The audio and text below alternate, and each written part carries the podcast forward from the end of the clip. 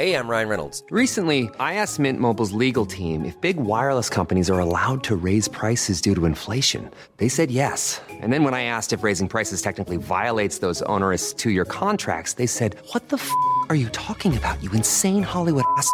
f- So to recap, we're cutting the price of Mint Unlimited from $30 a month to just $15 a month. Give it a try at mintmobile.com slash switch. $45 upfront for three months plus taxes and fees. Promo rate for new customers for limited time. Unlimited more than 40 gigabytes per month. Slows. Full terms at mintmobile.com.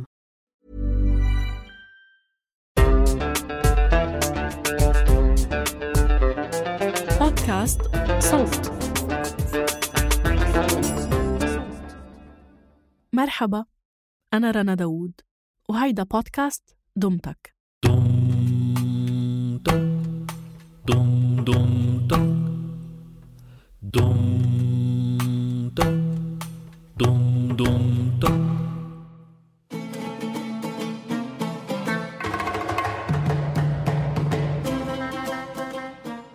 شاغلني موضوع إبراهيم الموصلي وإسحاق الموصلي بزمن الرشيد هارون الرشيد.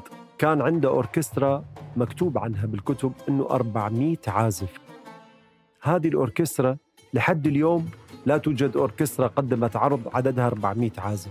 فشلون كان هذا يسوي 400 عازف؟ شلون؟ شنو الآلات اللي كان يسويها يعزفوها؟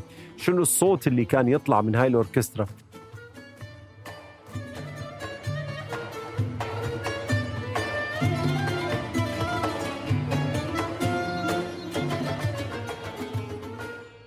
مرحبا فيكن ببودكاست دمتك. بهالموسم منجول بكواليس صناعة الموسيقى لنتعرف على أدوار مجهولة أو ما بتحظى بتقدير كافي مع أنها بتساهم بنجاح اللي تحت الأضواء. بحلقة اليوم رح تتعرفوا على الموسيقي العراقي نصير شمة. كتب هالحلقة نزار الأسود ومنروي لكم إياها نيابة عنه.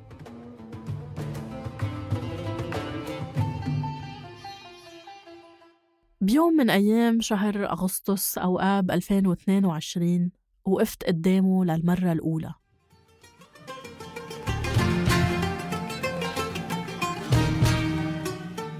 ومع إنه كان أول لقاء كنت بعرف كل غرفه وكل أعمدته وكل الطرق اللي بتوصل له من قبل ما حتى أوصل. بيت عتيق عمره أكثر من 300 سنة بحي الحسين بالقاهرة. بمحيط ما زال محافظ على هويته الفاطمية. وهيدا البيت كان ممكن يهمل وينترك مثل بيوت كتيرة حواليه لكنه اليوم صار بيت العود أو بيت الهراوي حسب المسمى التاريخي. وبضم مدرسة لتعليم العزف على الآلات الشرقية وصناعة آلة العود أسسها عازف العود والمعلم الموسيقي نصير شمة.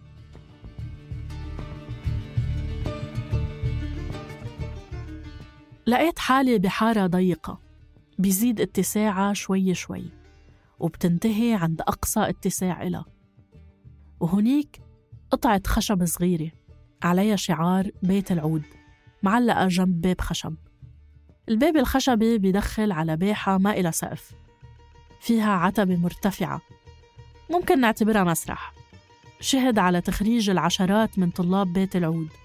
وتأسيس أول أوركسترا نسائية من مجموعة عوادات مصريات.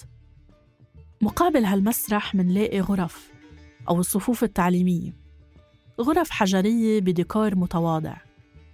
وبكل غرفة في عدد من الطلاب ومعهم معلم أو معلمتهم.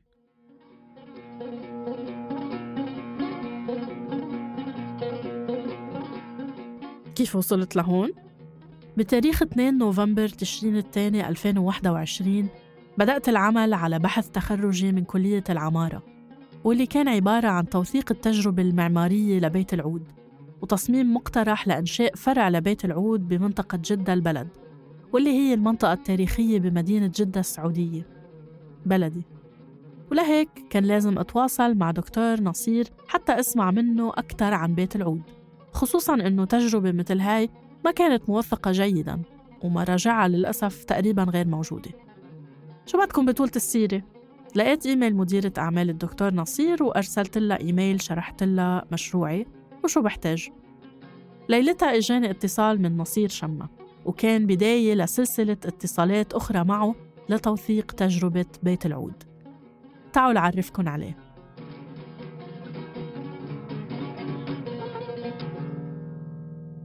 موسيقي ما زال يجرب في مجال الموسيقى ويحاول أن يكون مؤثر في أحلام الكثير من الأولاد والبنات والشباب والشابات والكبار من خلال اولا تذوق الموسيقى وتعلمها بكل آه، فرصة متاحة لكل جيل وأيضا آه، تغيير مسار الشباب نحو هويتهم وثقافتهم وما زلنا لا ندري آه، يعني مع مع وجود نتائج إيجابية كثيرة لا زلنا لا ندري إذا كان إحنا ماشيين بالطريق الصح لكن التجريب مستمر ومتواصل وهذا ما نحن عليه. خلال بحثي صارت تتكشف لي أهمية وجود مكان مثل بيت العود المدرسة اللي ما اكتفت بتعليم العزف على الآلات الشرقية وبس.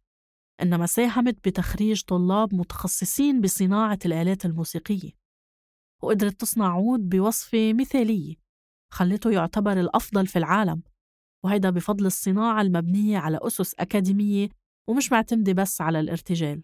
عملنا قفزة كبيرة جدا نوعية بعدد الصناع المهرة وأيضا أنه كلهم هم حتى اللي هو صانع في الأساس وإجانا إحنا ما خليناه مثل ما هو. كثير طورنا شغله. لأنه أنت من تجي تعطي خبرتك بملاحظة حتى بخمس دقائق تقعد مع الصانع. ويروح ويرجع مغير الصوت العود تماما والعود وشكله ونظافته. أنت أعطيته 30 سنة على الأقل من الخبرة. إعجاب نصير بالعود ما كان سهل. خصوصا إنه يعتبر من الآلات اللي التعلم عليها أصعب نسبيا من آلات أخرى. العود هو الآلة اللي وقع عليها اختياري وأنا طفل. وظليت مصر على تعلمها رغم الصبري أربع سنين خمس سنين. أرفض أتعلم آلة أخرى كل سنة. فهذا كان يعني قدري في الحياة. لذلك أردت أن أمشي في هذا الموضوع وأعمل على تطويره وأعمل على تطوير صناعته وأساليب الأداء والمناهج وكل ما له علاقة. وبالتالي جمعتها كلها في مشروع بيت العود اللي أسسته سنة 98 بالقاهرة. البدايات طبعا كانت بالمدرسة الابتدائية وهذه كانت ميزة أن يكون تعليم موسيقي في المدارس الابتدائية. آه هذا كان آه وإحنا أطفال بسن ابتدائية يعني تتكلم على من ست سنين كان أساتذة الموسيقى بالمدرسة باستمرار ودرس الموسيقى باستمرار. هذا جعلنا آه إنه نفتح عيوننا على على معلم أنيق على آلة موسيقية جميلة مشغولة بعناية. الطفل تلفت انتباهه كل شيء متقن. يعني لما تشوف الآلة الموسيقية تلمع ونظيفة ومدهونة وحلوة إذا كانت أكورديون أو أو جيتار أو عود أو أي آلة أخرى يشوفها آلة كاملة والطفل يحب الكمال يحب يشوف كل شيء متقن. صحيح أنه فكرة بيت العود كانت نابعة من حب نصير لهالآلة وإيمانه بأهميتها ولكنها أيضا كانت بالنسبة له ثورته الصغيرة على أساليب التعليم. القصة هو هو نوع من التمرد على المناهج ونوع من التمرد على عدد السنين الدراسة اللي يعني إحنا درسنا الموسيقى ببغداد أول شيء ست سنين وبعدين كملت أنا إلى كملت إلى الدكتوراه لكنه أول دراسة ببغداد ست سنين. فهذه الست سنين كثيرة من العمر الإنسان آه، بالوقت اللي هي محتاجة سنتين 24 شهر متواصلة آه، نحن نخرج طالب يقدم حفل منفرد بمستوى عالي جدا بحضور لجنة موسيقية وجمهور وهم يعطوه درجة درجة التخرج.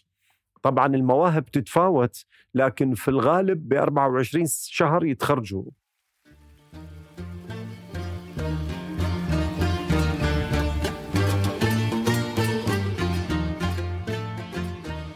فالفكرة أنه 24 شهر كافية بعدين هو يكمل. العلوم ما تنتهي والثقافة الموسيقية ونظريات الموسيقى نحن يدرسها بخلال السنتين. يطلع يقرأ ويكتب نوتة ويفهم بالمقامات ويفهم بالهارموني ويفهم بكثير أشياء ب 24 شهر. هذا ما مسموح تسويه مع الحكومة.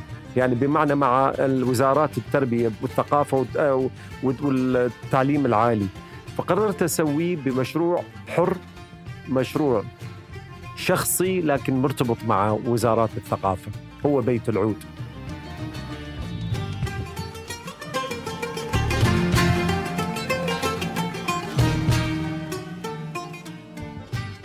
والحمد لله هاي إحنا نجحنا خرجنا. إحنا ما نخرج عدد نخرج واحد واحد. يعني المسألة نعلم مئات لكن اللي نخرجه واحد واحد. الطالب كل حفل تخرج يضم واحد إلى ثلاثة. فهو ثلاثة فنانين يطلعوا. يعني يطلع فنان ثاني يوم ممكن يباشر يدرس. بالضبط ثاني يوم يعني مو مبالغة. يعني السبت يتخرج الأحد الاثنين يداوم يدرس لأنه هو عنده تطبيق أربع شهور قبل التخرج. هذه هي اللي تأهله أنه شلون يتعلم يدرس. فالموضوع بيت العود تجربة مختلفة عن أي تجربة موسيقية حتى على مستوى العالم على فكرة.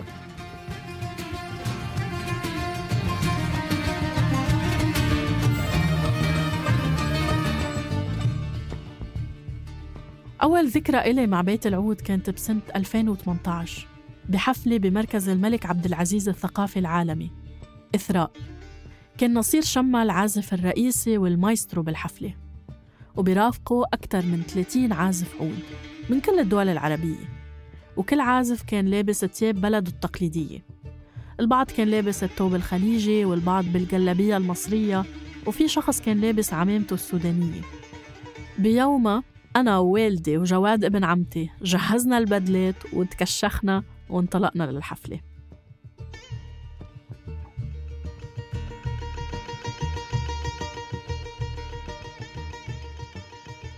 سمعنا وقتها معزوفات نصير شمة الشهيرة مثل إشراق ورقصة الفرس وبين النخيل. كل مقطوعة ضمنت fusion أو مزج مع أغنية فولكلورية معروفة. فوق النخل أهو اللي صار بنت الشلبية وطبعا فيروز. هاي كانت أوركسترا بيت العود.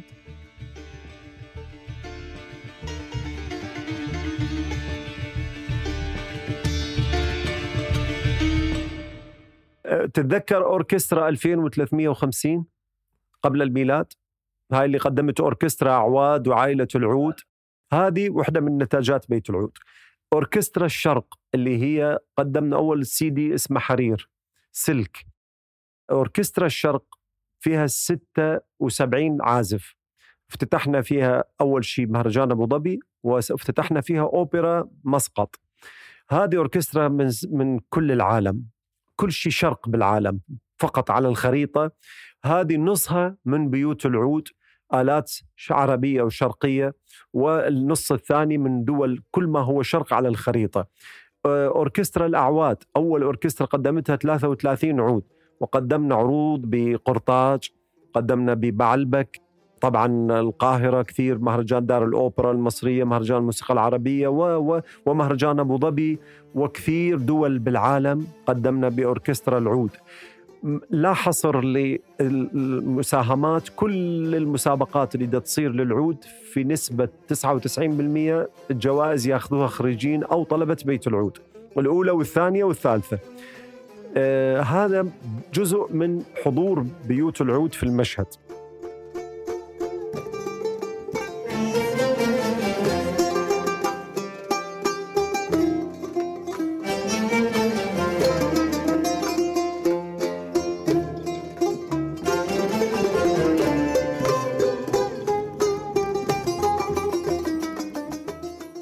دهشة تسلل الإضاءة من أعلى المسرح وتناغمها مع الأزياء العربية التقليدية المتنوعة والروحانية اللي أعطتها لنصير شما وهو معانق عوده.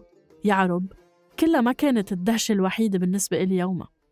معروف إنه العود آلة مسيطرة بأي أوركسترا. نادرا ما منلاقي عودين على مسرح واحد. قوة العود وتأثيره دايما بيكونوا طاغيين بحضورهم. بس بيومها كان نصير عم يعزف على المسرح منفردا على العود وفجأة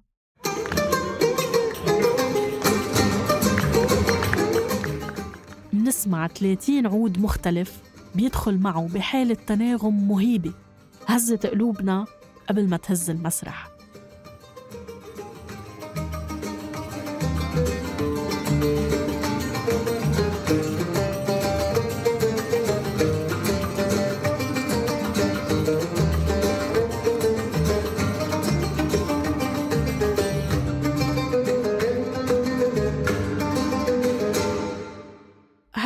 كانت أول ظهور لخمس آلات جديدة مقتبسة من العود كل وحدة بحجم وشكل مختلف وكلها من ابتكار وتطوير نصير شمة مع فريق بيت العود. العود لين العود لا العود لو العود باس وعود سوبرانو كلها أضافت قدرات جديدة للعود كآلة أوركسترالية. شاغلني موضوع إبراهيم الموصلي وإسحاق الموصلي بزمن الرشيد هارون الرشيد. كان عنده أوركسترا مكتوب عنها بالكتب إنه 400 عازف. هذه الأوركسترا لحد اليوم لا توجد أوركسترا قدمت عرض عددها 400 عازف. فشلون كان هذا يسوي 400 عازف؟ شلون؟ شنو الآلات اللي كان يسويها يعزفوها؟ شنو الصوت اللي كان يطلع من هاي الأوركسترا؟ فضليت أفكر طيب أنا بقدر أجمع كمانجات وأقدر أجمع آلات وأسويهم بس شنو الفائدة منهم؟ إذا ما تخدم ثقافتنا وهويتنا شنو الفائدة؟ أنا أظل أخدم الموسيقى الكلاسيكية الغربية الحلوة المهمة. طيب هاي مهمة وهم صنعوها. إحنا لازم نصنع موسيقانا الحلوة المهمة اللي فيها هوية كل هاي مناطقنا اللي هي متعددة الأذواق الموسيقية والإيقاعات والمقامات واللكنات الموسيقية. فقررت أن أشتغل على أن أستنبط من الآلات الموسيقية اللي عندنا العود وغير العود. استنبط آلات جديدة.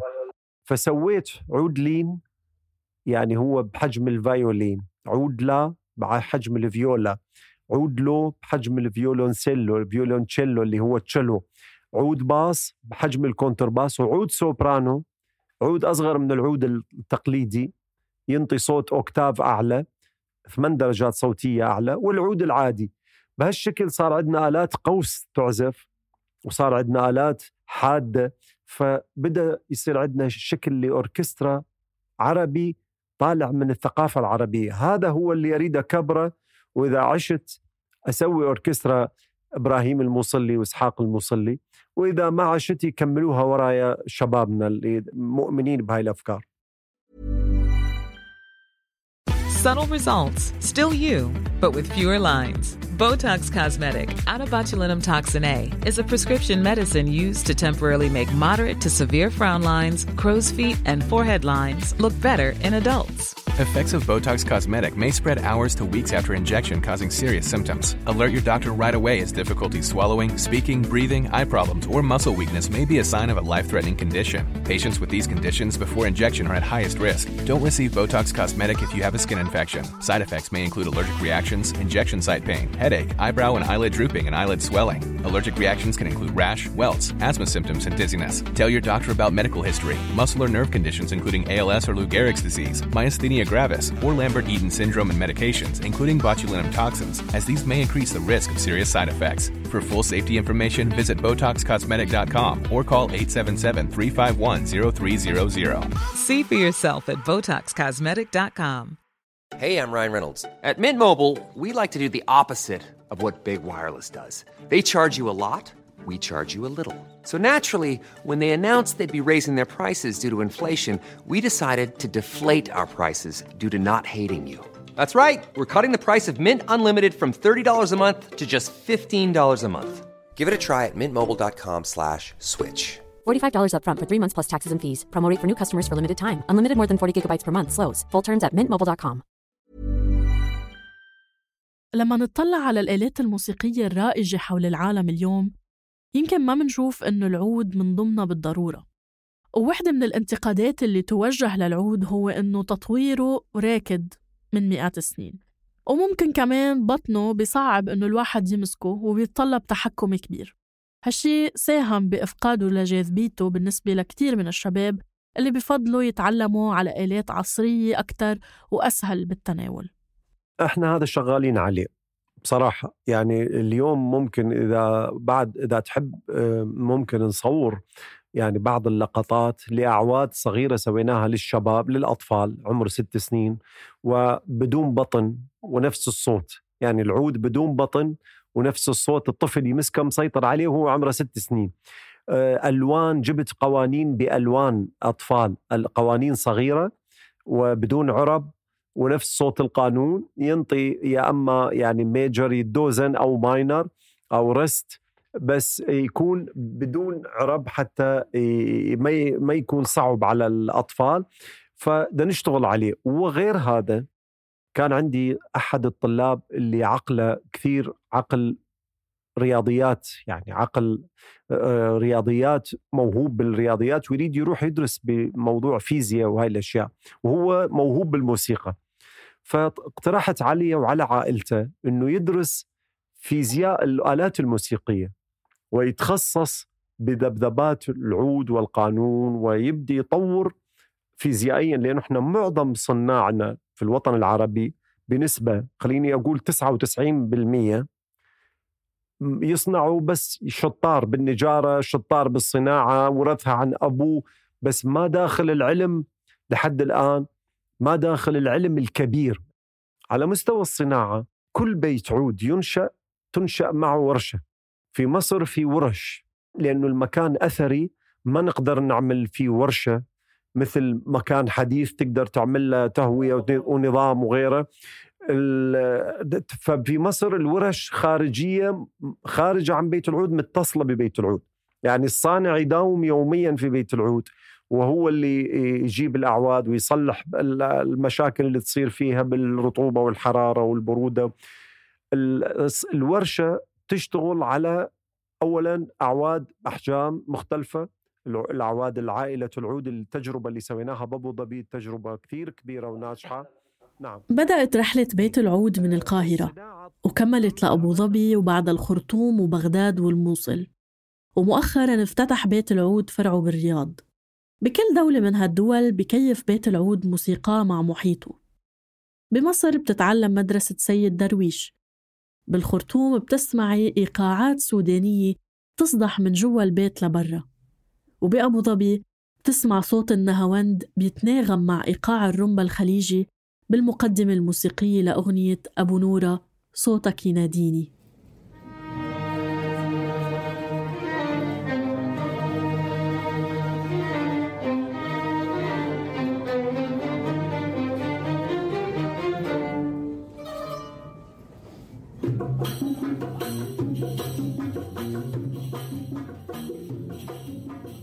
هو يعلم تقنيات الآلة وتقنيات العلوم الموسيقية ويترك فرصة كبيرة للطالب أنه يعبر عن عن هويته وعن ثقافته وعن نفسه. وإذا ما عرف يعبر إحنا ناخذه لهذا الموضوع. يعني وضعت منهاج خماسي للسلم الخماسي والإيقاعات السودانية وبديت أضع مؤلفات. وهاي المؤلفات صارت تقدم من أول جملة مدتها ربع دقيقة أنت تصير من تسمع الموسيقى تكون في السودان. تسمع هوية السودان. ونفس الشيء لما رحنا لمصر ونفس الشيء لما رحنا لبغداد وهكذا. لازم أنت تقدم تعزز ثقافة المكان اللي ينشأ فيه بيت العود.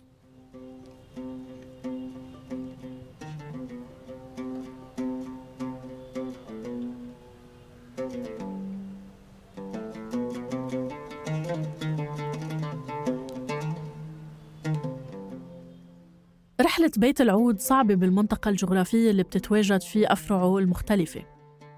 منطقة غير مستقرة مليانة تحديات لا تحصى. تحديات لوجستية وسياسية واقتصادية وثقافية وحتى أمنية. الورش اللي موجودة بالخرطوم للأسف تدمر بيت العود بالكامل. بالخرطوم آه، يعني بهاي الحرب اللي صارت. لكن آه، إن شاء الله الأحلام اللي زرعناها عند مئات من الشباب ما تموت. هاي راح تبقى حية وراح نرجع نجمعهم بعد ما تنتهي إن شاء الله الحروب. مثلا بيت العود بالموصل يشكل تحدي لأنه ما بي رعاية لا من الدولة ولا من أي جهة. موضوع شخصي تماما لأنه إيماني بأنه أريد أن أقدم الشيء لأبناء الموصل ولشبابهم وشاباتهم وأطفالهم وللفن في الموصل. حتى بيت العود في الحسين هو ما كان حد يقدر يدخل هاي المنطقة أصلاً. المنطقة اللي فيها بيت العود صلحوها وزارة الثقافة المصرية أيام آه، الصديق فاروق حسني وزير الثقافة واليونسكو ساهموا في تصليح المنطقة كلها لكن المنطقة كانت ما حد يدخلها. يعني بالمساء ما تقدر تدخلها. منطقة معروف عنها أشياء صعب دخولها حتى لأبناء مصر. منطقة الدرب الأحمر كانت يعني ما حد يدخلها.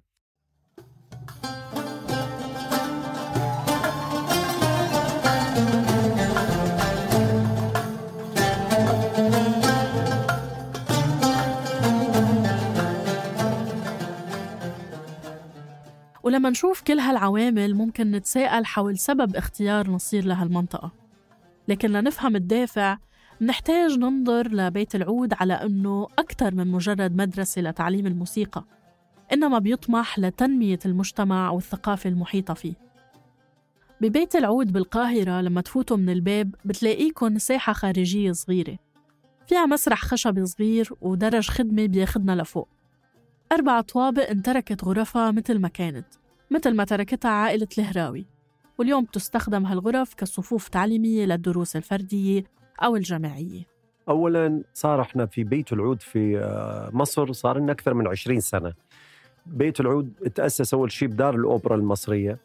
وبال 98 وبال 99 بديت أشعر أنه ما عاد تكفينا الغرف اللي متاحة لنا في دار الأوبرا. فكان في رمضان كان عندي حفلة في منزل الهراوي هذا المنزل اللي هو حاليا وصار 20 سنة هو بيت العود. أه وأنا أعزف في البيت حسيت بطاقة مختلفة تماما صوت العود مختلف تماما كأنه في بيئته الأصلية. قلت يمكن الأجواء رمضان الإنارة الأشياء الصوت. بعد فترة نجح الحفل نجاح كبير جدا. بعد فترة طلبوا حفل ثاني بعد رمضان. كان التأثير نفسه بالضبط. الخشب والحجر البيوت هاي المنطقة كلها ما بيها غير ما بيها بسمار واحد البيت ما بيه حديدة واحدة كل حجر وخشب يعني كله يسبح كما يقال. فهذه الطاقة المهمة لما أجي أحيانا من المطار تعبان من رحلة وعندي موعد ببيت العود أطلع على طول من المطار لبيت العود في الحسين وأقعد هناك بعد نص ساعة يتلاشى التعب. لتكرار الموضوع حسيت إنه هذا الموضوع بسر المكان طاقته مختلفة. طاقة الحجر والخشب والتاريخ وأنت حواليك منطقة كلها تاريخية مصر القديمة الفاطمية هاي كلها مصر الفاطمية. فهنا بنفس السنة هاي اللي عزفت بها أول مرة طلبت من الصديق فاروق حسني إنه إحنا ليش هاي البيوت متروكة؟ لين ما يكون هذا البيت لبيت العود؟ فهو يعني ضرب على راسه بهالشكل قال لي فكرة هاي إحنا صلحنا هاي البيوت وخسرنا عليها ملايين ومتروكة للتراب. ففكرة بس قال لي شوف بقية البيوت الأثرية واللي اللي يناسبك أكثر أنا أكلم آه، الرئيس ونطلع يقصد كان أيامها حسني مبارك ويتخصص البيت. رحت لفينا 36 بيت أثري. مع صديق كان اسمه صلاح شقوير الله يذكره بالخير. كان مدير عام صندوق التنمية الثقافية. لفينا كل البيوت قلت له لا بيت العود هذاك الهراوي هو بيت العود. قال لي إيش معنى؟ قلت له هذا مداخ أفضل من غيره وبي حوش وسط البيت. نقدر نسوي به حفلات وغرفة ممكن تكون آه، يعني معزولة مقسمة بشكل جيد. وكان طلع قرار من رئيس الدولة حسني مبارك بوقتها أنه يخصص منزل الهراوي للفنان نصير شمة ومن ذاك اليوم هو بيت العود. لفت انتباهي تماهي البيت التام مع محيطه واستحالة معرفة أنه هاي مدرسة موسيقية من بعيد بسبب تشابهه مع عشرات البيوت الفاطمية القديمة حواليه. بيت بينتمي تماما للنسيج العمراني مثل نغمة نقية متناغمة مع النوتة الموسيقية اللي بتشكل المقطوعة الكاملة. من دون نشاز. الباب الخشبي الأزرق المقوس بيطل على قهوة شعبية مليانة شريبة شاي والزقاق اللي بيودي على البيت بيوسع فجأة قدام الباب. عند هيدي النقطة بينتهي الزقاق وبيبدأ زقاق تاني باتجاه آخر. اولا كانت هاي حديقة ومغلقة سور وحديقة وما عندك غير ممر على حجم سيارة فقط هاي كانت كلها مغلقة. إحنا ردنا نسوي تنمية للبشر هناك. البشر يعني بعضهم أشغالهم كانت جزء منها غير شرعية وفي ناس تشتغل بأشياء ممنوعة وأشياء المنطقة كانت معروفة بهالشكل. فردنا إنه أبناء المنطقة يشتغلوا. فكانت الفكرة إنه هاي الساحة تفتح وتصير والآن هي فيها أجمل يعني مقهى ومشروبات كلها آه، أصيلة كلها مشروبات تقليدية طيبة. الأكل كله أكل يقدم مطبخ مصري ومطبخ عربي. صار صناعات يدوية لها علاقة بالمنطقة وبالتاريخ فتغيرت المنطقة تماما وعلى الأقل يشتغلوا في هاي المقهى والمطعم وهذا المكان اللي هو خارج بيت العود في الساحة الأمامية على الأقل يشتغلوا فيه أكثر من خمسين شخص. فإذا وفر توفرت فرص عمل وكلهم ما زال الاحترام والتقدير وبالثورة اللي صارت بمصر هجموا على كثير بيوت أثرية وسرقوها وسرقوا محتوياتها إلا بيت العود اللي حموه المنطقة. أبناء المنطقة حموه ما كان في حد يحميه غير أبناء المنطقة. إحنا مرتبطين بمحيطنا ارتباط كبير جدا وبيت العود آه، أبناء الحي كلها آه، جزء منهم إجوا وصاروا يدرسوا أول شيء كانوا ما يعرفوا الموضوع كان حتى ممكن يرموا حجر يرموا أشياء بعدين قلت لهم لا تنهروهم جيبوهم خلي يسمعوا الموسيقى.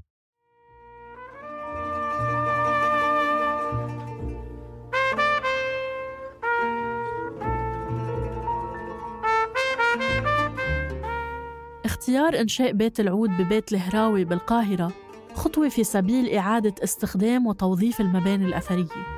وهيدي كانت نقطة البداية لهوية عمرانية اتبعها بيت العود بجميع أفرعه الأخرى بالخرطوم وبغداد وأبو ظبي. جميعها مقامة بمباني أعيد استخدامها وتوظيفها.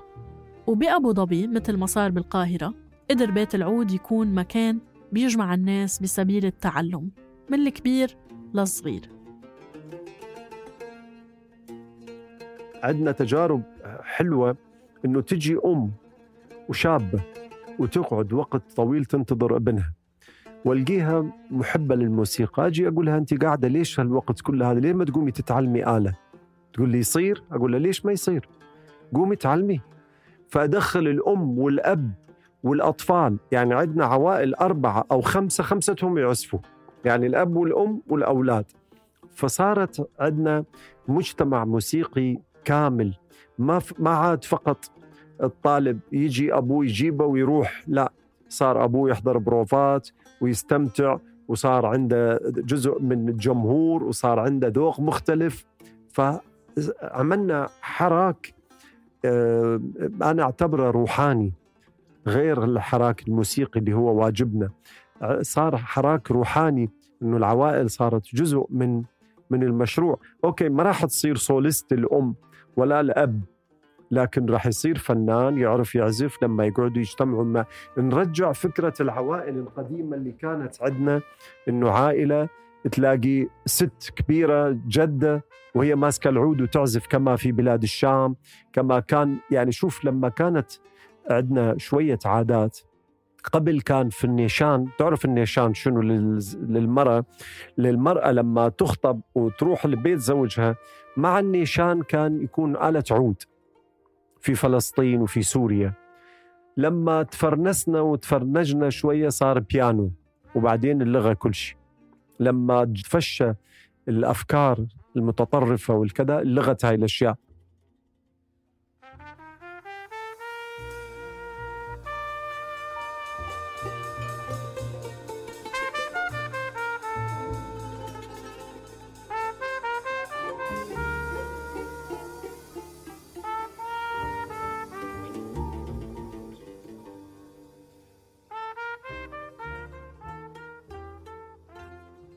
ما بين هذه وتلك والموسيقى والتأليف وال... يعني ما زلت أشعر أنه اليوم لا يكفي لجزء من هاي الأحلام. لذلك أحاول أزرع هاي الأحلام بعدد كبير من الطلبة على أساس أنه اللي ما أقدر أكمله هم يكملوه في كل مجالات أولا في مجالات الموسيقى وأيضا في المجالات الإنسانية. تجربتي مع بحث التخرج وبيت العود ونصير شمة فتحت عيوني على بعد جديد. كنت دايما بظن إنه طريقتي الوحيدة لدخول عالم الموسيقى هي احتراف العزف والتلحين. بس مع هيدي التجربة فهمت إنه صناعة الموسيقى هي عملية مجتمعية بيشارك فيها مختلف الناس من مختلف المجالات. ولكل حدا دور محدد سواء على المسرح أو خلفه كل واحد بحسب معرفته الخاصة. وهيدا بحد ذاته موسيقى. خلال 25 سنة من وقت تأسيس بيت العود بالقاهرة سنة 1998 ولحد اليوم قدر نصير شما إنه يخلق حالة فريدة بوازن فيها بين اسمه الأيقوني كعازف عود وبين عدد واسع من المبادرات الإنسانية وإسهاماته الأكاديمية اللي ممكن نعتبرها أساس بتاريخ الموسيقى الشرقية. أنا فقط على المسرح أشوف نفسي نصير شمة اللي آه، ربنا أعطاه شيء يمكن يكون خاص. أعطاه موهبة وغلا اشتغل واجتهد حتى تبقى هاي الموهبة محط احترام الناس. فقط على المسرح أشعر بقيمتي وبوجودي وبالدور اللي انولدت من أجله.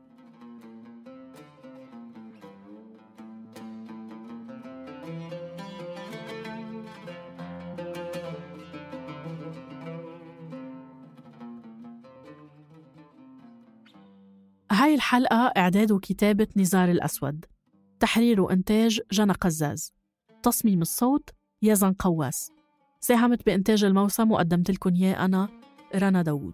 اتركوا لنا آرائكم بالتقييمات على Apple Podcasts و Castbox وتواصلوا معنا عبر صفحاتنا الخاصة على تويتر أو إكس وإنستغرام at دمتك بودكاست إذا حابين تسمعوا الحلقات الجاي اشتركوا ببودكاست دمتك على التطبيق اللي عم تسمعونا عبره.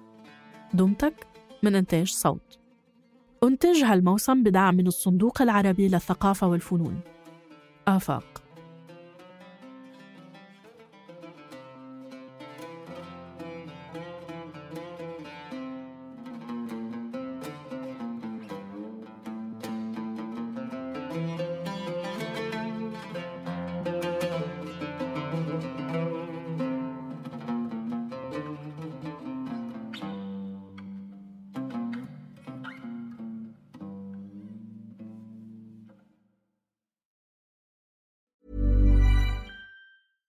Selling a little or a lot?